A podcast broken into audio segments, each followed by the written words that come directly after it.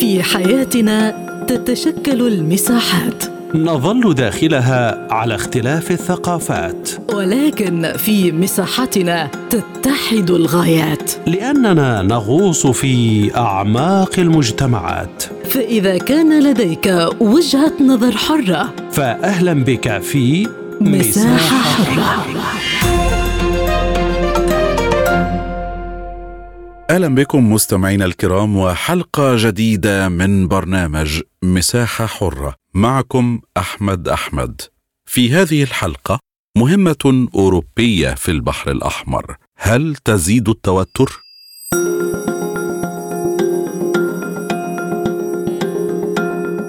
دعت وزيرة الخارجية الألمانية أنالينا بيربوك إلى سرعة إتمام التحضيرات للعملية العسكرية المخططة لتأمين الملاحة التجارية في البحر الأحمر من قبل الاتحاد الأوروبي. وخلال اجتماع لوزراء خارجية الاتحاد الأوروبي في بروكسل أمس الاثنين قالت بيربوك إنه يجب توضيح التفاصيل الأخيرة بشكل عاجل الآن مشيرة إلى أنه بذلك يمكن للاتحاد الأوروبي أن يظهر أنه قادر على التصرف. وبحسب بيربوك تهدف هذه العملية إلى وقف هجمات جماعة أنصار الله اليمنية على سفن في البحر الأحمر. وقالت السياسية المنتمية إلى حزب الخضر إن الحوثيين يقومون يوميا تقريبا انطلاقا من اليمن بمهاجمة سفن غير متورطة تماما في أي نزاع في البحر الأحمر حسب قولها. وأردفت أن أحد الشرايين المركزية للملاحة الحرة للتجارة العالمية بات بذلك عرضة للهجوم.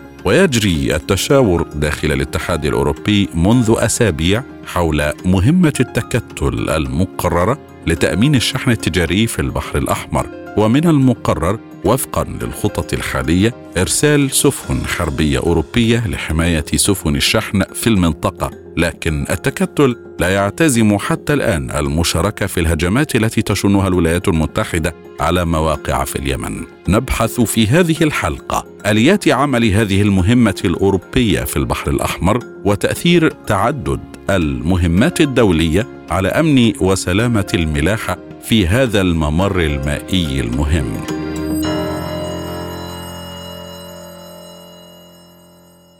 اولا نتحدث إلى الدكتور زيدان خوليف أستاذ العلوم السياسية والعلاقات الدولية بفرنسا.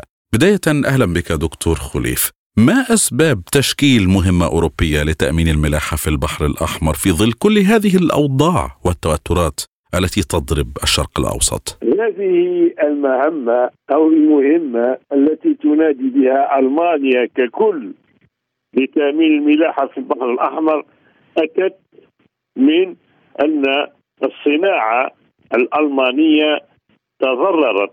وأعطي مثال أن أن مصانع ميسك آه، قد تضررت كثيرا لأن هناك قطع الغيار لم تعد تصل إلى هذه المصانع المتواجدة في ألمانيا. ولكن المشكل أن أوروبا ليست على قلب رجل واحد فألمانيا تدعو إلى هذه آه هذا التجمع أو هذا الائتلاف الأوروبي لشيئين، اولا أنها تضررت اقتصاديا والثانية أنها تريد دعم إسرائيل التي نادت في المرة الماضية بأن الإسرائيليين يتعرضون لإبادة وبالتالي سارعت وتريد كذلك أن تضفي آه، أن تضفي طابعا طابعا طابع الحماية على إسرائيل مع أن ألمانيا هي من قامت بالإبادة في القرن العشرين ضد ناميبيا. وهي الآن تريد أن أن تكون أو أن أو أن تقوم بما تسمى أو أن تجدد عضاء بأن تكون عذراء سياسيا ولكن التاريخ لا يرحم. وقصدي ما أقول بأن أوروبا ليست على قلب رجل واحد فإن فرنسا وإن فرنسا تمنعت تمنعت أن يكون أن تكون مشاركة في هذه القوة الأوروبية وذلك لعدم التماثل في أهداف ألمانيا وأهداف فرنسا. فألمانيا تسعى إلى أهدافها الخاصة وحتى لا تتدخل وحيدة وتنعت بالإصبع بأنها تساعد الكيان الصهيوني جعلت أو تريد أن تنادي إلى تجمع أوروبي حتى تختفي ضمنه وتقوم بمآربها وتصل إلى اشراباتها هذا هو الوضع المتواجد حتى الآن طيب لماذا يتم تشكيل تحالف منفصل عن تحالف حارس الازدهار الذي شكلته واشنطن؟ هذا هو المشكل انه آه الأوروبيين يدا لأنهم أرادوا في بادئ الأمر أن تكون أن يكون آه تكون مجموعة أوروبية مع الولايات المتحدة. ولكن الولايات المتحدة همها ليس اقتصاديا. هي تتوارى وراء الأهداف الاقتصادية ولكن أهدافها دفاعية عسكرية بحتة. أما أما الأوروبيين فيريدون تأمين ما يسمى الملاحة في باب المندب. أما أما الأمريكان يريدون قتل أي بويضة مقاومة تأتي من دولة أخرى مثلا وخاصة الحوثيين. ف ولكن الهدف واحد الهدف هو ضرب الحوثيين وضرب اليمن. ولذلك الأوروبيون يريدون أن يختفوا وراء ويتواروا وراء ما يسمى المشاكل الاقتصادية حتى يكون وطأهم على اليمن وأن الحوثيين يستطيعون أن يبعدوهم عن صواريخهم وعن طائراتهم المسيرة. ولكن الهدف واحد. وبما أن هناك كذلك اختلاف بين الأوروبيين وبين الأمريكان فالأوروبيين لا يريدون أن تكون هذا الحلف يضم الأمريكان وحتى الأمريكان لم يقبلوا بهذا. إلى أي مدى يمكن أن تتأثر المهمة الأوروبية بالخلافات الواضحة أصلا داخل التكتل الأوروبي كما يعلم الجميع؟ هذا التكتل أنا صراحة أقول اليوم بأن هذا التكتل لن يرى الوجود ولكنهم سيتدخلون مع ذلك ولكن فرادى وبالتالي فإن الألمان المتضررين سيتدخلون فرادى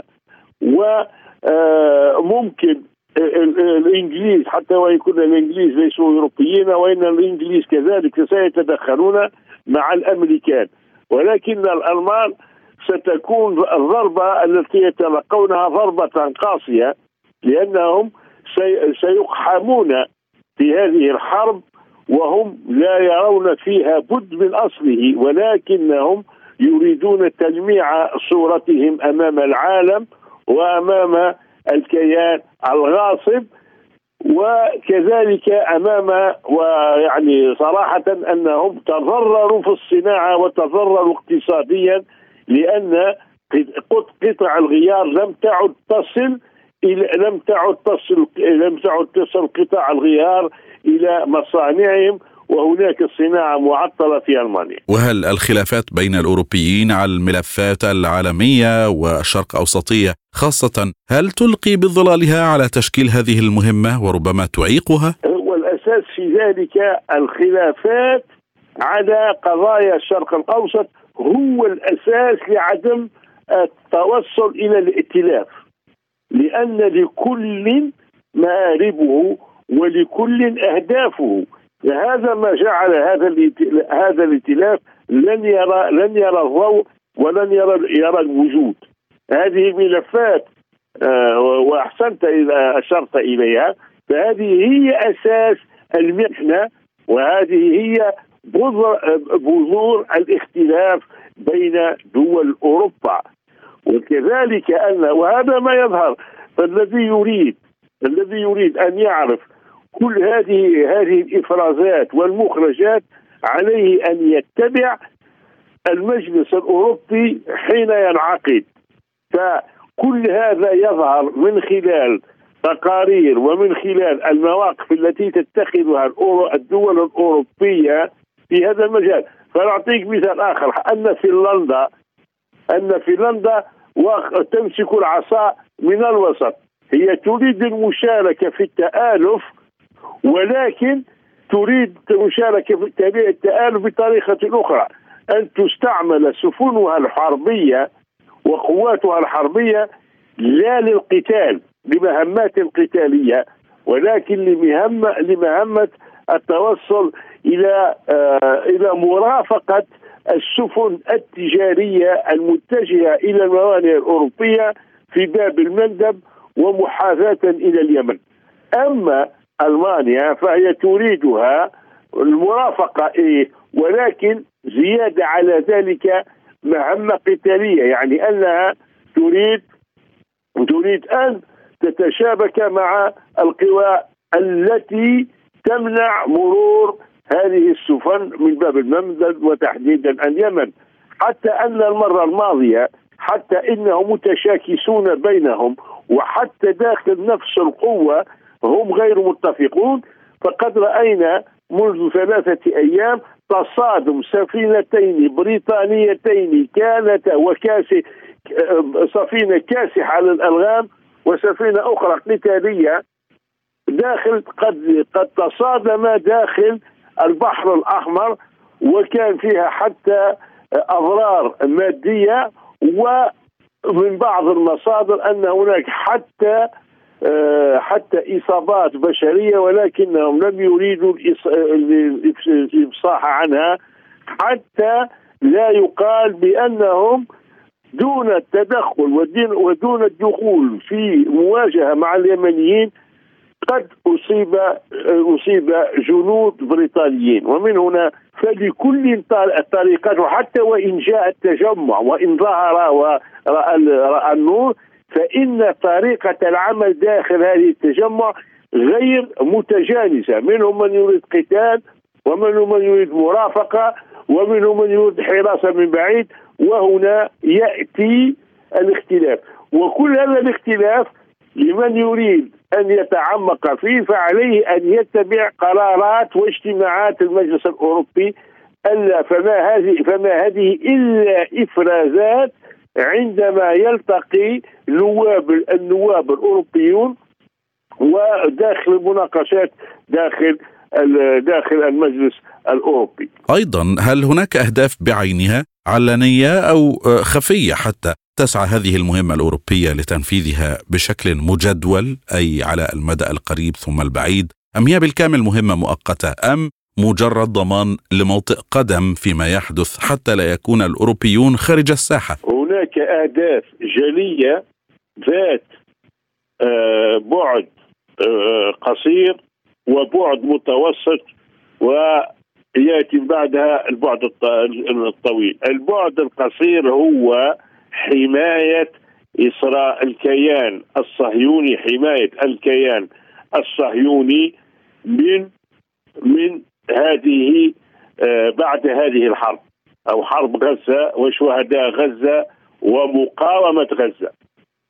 فيما يخص المتوسط والبعيد المتوسط هو عدم مغادرة الإسرائيليين إلى من فلسطين إلى خارج فلسطين وعودتهم إلى أوروبا لأن زيادة على أن منذ أكثر من 100 يوم أن الاقتصاد الاقتصاد الإسرائيلي باقتصاد الكيان الغاصب متوقف هذا هذا الاقتصاد الذي قوامه التكنولوجيا وكل الشركات المتطورة وهي التي تزود أوروبا بعدة آليات وبعدة قطع غيار إلى ذلك فيما يخص القطاع الاقتصادي المرتكز على التكنولوجيا.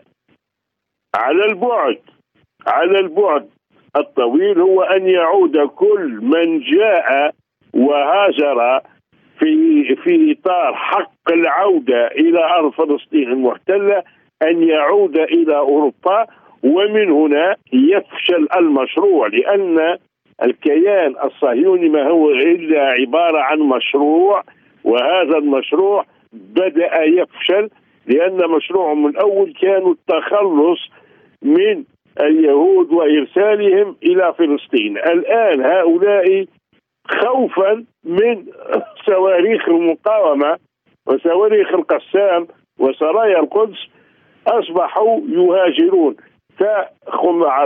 العشر الأيام أو الخمسطاش اليوم الأولى من الالتحام في الحرب هرب ما يقارب 430 ألف مغتصب للأرض خرجوا من فلسطين المحتلة للاتجاه إلى أوروبا. وهم يخافون الآن من كل أن هذه الجاليات التي جاءت من روسيا ومن أوروبا الشرقية ما يسمى بيهود الخزر أن أن يرجعوا إليهم وتعود المشكلة من أساسها يعني قبل 1917 قبل وعد بلفور وقبل 47 إنشاء دويلة الكيان الغاصب. كذلك هل تختلف آليات عمل هذه المهمة الأوروبية عن التحالف الأمريكي بأي حال؟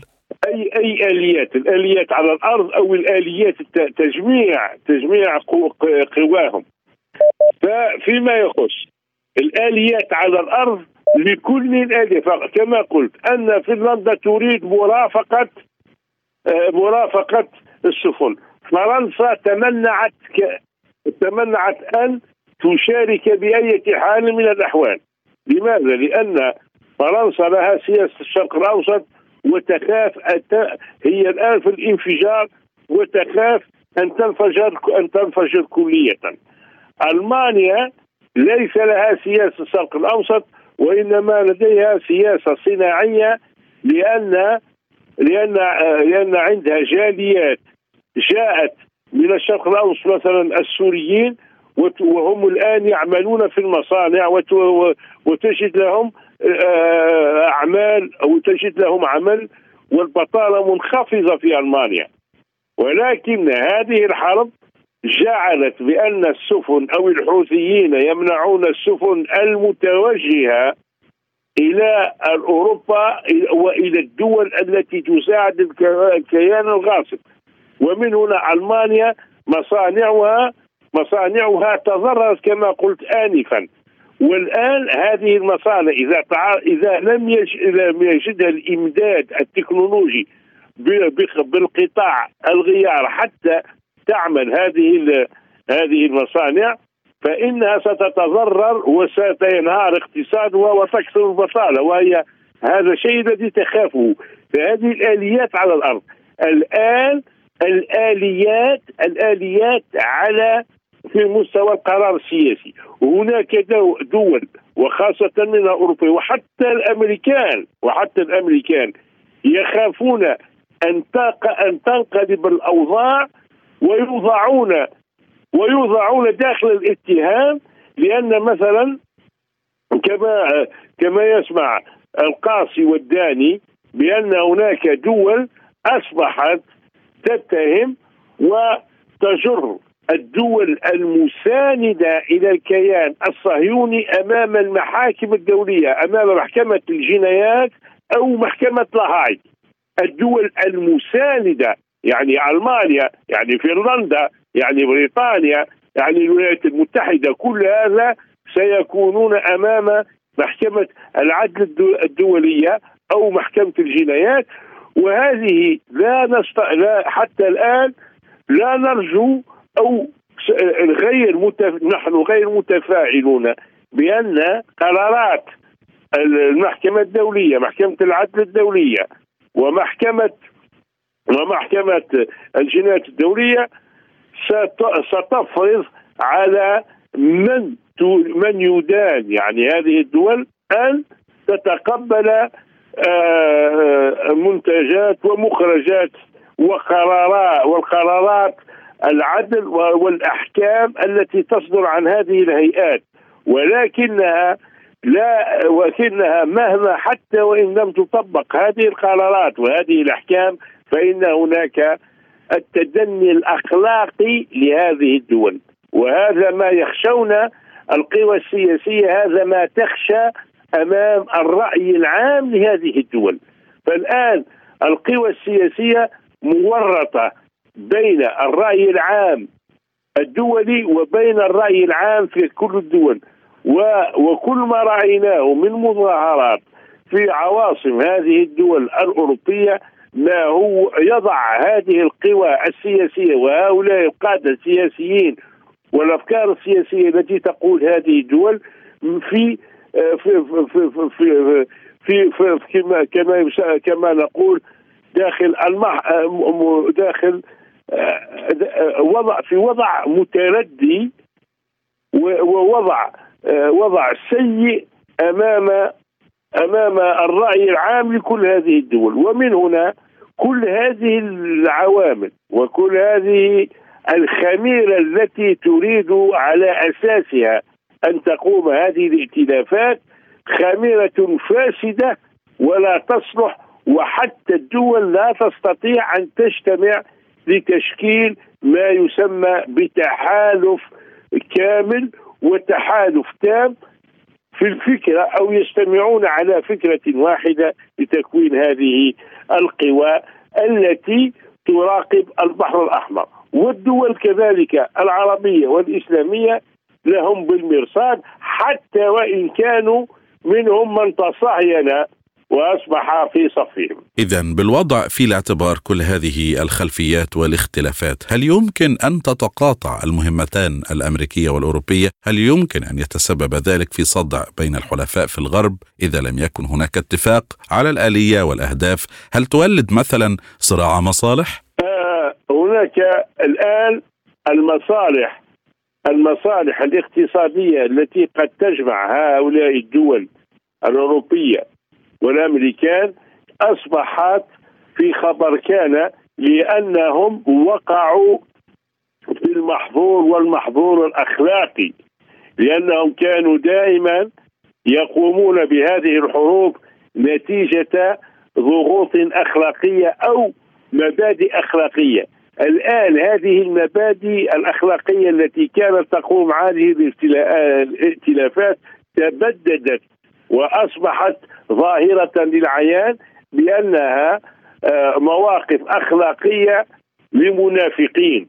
ومن هنا لا يريدون تكوين أي ائتلاف حتى لا يجر هذا الائتلاف أمام أو أو في إيطاليا ومن هنا تتبدد هذه آه، التكتلات وهذه التجمعات أمام المصالح والآن ليست المصالح المادية ولكن المواقف الأخلاقية. ختاما دكتور هل بذلك أصبحت عسكرة البحر الأحمر أمرا واقعيا بالفعل بعد تزايد المهمات الدولية العسكرية؟ صراحة البحر الأحمر كان معسكرا منذ مدة ولكن هذه العسكرة كانت كانت موجودة وخفية ولم تخرج إلى العيان لعدم تغطيتها التغطية الكافية. كانت هناك سفن وهناك بوارج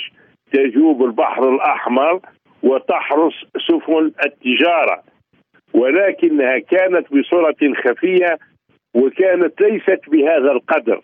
ولكنها الآن بما أخرج الحوثيين من جحرهم وبينوا وأصبحوا مقاومين وأنهم أصبحوا يزنون على على على المستوى الدولي جعل من هذه الدول التي كانت لها بوارج داخل البحر الأحمر بوارج داخل البحر الأحمر وكنا نسمع من حين إلى آخر أن هناك بالجه اصطدمت بسفينة سفينة آه، سفينة صيد وبارجة صدمت جدارا أو صا أو صا أو دخلت إلى آه، أو آه، أو علقت فيما يسمى الأرصفة القاريه الموجودة على جانبي البحر الأحمر. كنا كنا نسمع هذا ولكن وسائل الإعلام التي كانت تعطينا المعلومات كانت لا تعطي المعلومات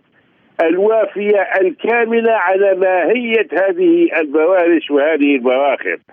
اليوم في هذه الظروف وخروج الحوثيين وصواريخ الحوثيين والطائرات المسيرة من الحوثيين وخاصة أنهم تجرؤوا أنهم ضربوا الأمريكان كما ضربوه من قبل في تسعينيات القرن الماضي وبداية الألفية أيام ضربت USS Cole الذي التي ضربت في مرفأ عدن في ذلك في ذلك الوقت.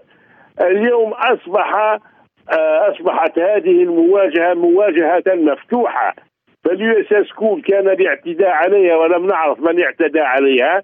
اليوم المعتدى الذي يقاوم يرفع صوته للعلن أنا مقاوم وسأضرب بريطانيا وسأضرب الولايات المتحدة وألمانيا وكل من يضرب. لذلك أن فرنسا تمنعت حتى لا تغرق في حرب لا تعرف الخروج منها. والان الأمريكان دخلوا في هذه الحرب ولكنهم لن يخرجوا منها إلا منهكون. وإلا بأضرار ستأتي فيما بعد عندما تتدخل القوى كالقوى الحوثية وكذلك حتى أن بعد وقوف غزة وقصف تل أبيب فإن الصواريخ ستتوجه إلى البحر ممكن البحر الأحمر حتى وقناة السويس حتى تضرب السفن المارة حتى تضرب السفن المارة إلى أوروبا والآخذة بهذا الطريق والمرة من عدن حتى تخرج على السويس. في ختام هذا الحوار شكرا جزيلا لدكتور زيدان خليف أستاذ العلوم السياسية والعلاقات الدولية للمزيد من الإضاءة حول هذا المحور نتوجه كذلك بالحديث إلى دكتور بشير عبد الفتاح الباحث بمركز الأهرام للدراسات السياسية والاستراتيجية. أهلا بك دكتور بشير. بداية هل تنجح هذه المهمة الأوروبية فيما فشل في تحقيقه تحالف حارس الازدهار الذي شكلته واشنطن في البحر الأحمر وسط كل التوترات الحاصلة؟ باعتقادي أن مهمة الاتحاد الأوروبي لن تضيف جديدا من الناحية العملياتية آه، للجهود الأمريكية في هذا المضمار آه، سوى من الناحية السياسية الرمزية لأن العملية الأمريكية البريطانية لم تكن تحظى بتوافق دولي آه، كبير. كانت الدول الأوروبية تتحفظ لا تريد أن تكون تحت قيادة الولايات المتحدة وكانت لا تريد أن يتحول الوضع في البحر الأحمر إلى شأن العسكرة. أو إلى حرب إقليمية تؤثر أكثر على الملاحة الدولية والتجارة العالمية. آه، لكن انخراط الدول الأوروبية يعطي زخما سياسيا آه، فقط لكن لا أعتقد أنها ستضيف جديدا لأن كل هذه التحركات تعالج آه، عرض المرض ولا تعالج أصل وجذور المرض وهو العدوان الإسرائيلي على قطاع غزة هو الذي استنفر الحوثيين من أجل نصرة الفلسطينيين بإعادة من إيران. ومن ثم الأمر يتطلب علاج للجذور وليس لعرض المرض المتمثل فيما يقوم به الحوثي. ولكن في ضرورة إيقاف العدوان الإسرائيلي وإيجاد حل نهائي للقضية الفلسطينية. وإلى أي مدى يمكن أن تحذو دول أخرى حذو أوروبا وأمريكا في تشكيل مهمات عسكرية لتأمين سفنها؟ آه، طبعا الأمر يتوقف على مدى ما يمكن أن يحرز من نجاحات في هذا المضمار، لو أن آه، التحركات الأمريكية الأوروبية آه، أسفرت عن نجاحات حقيقية فيما يخص القضاء على التهديدات الحوثية وتهديدات الملاحه العالمية بينما يرى تيار آخر أن الانخراط يكون فيه توافق دولي لبحر التهديدات الحوثية. شكرا جزيلا دكتور بشير عبد الفتاح الباحث بمركز الأهرام للدراسات السياسية والاستراتيجية، الشكر أيضا موصول لحضراتكم مستمعينا الكرام، وهذه خاتمة حلقتنا من مساحة حرة في أمان الله.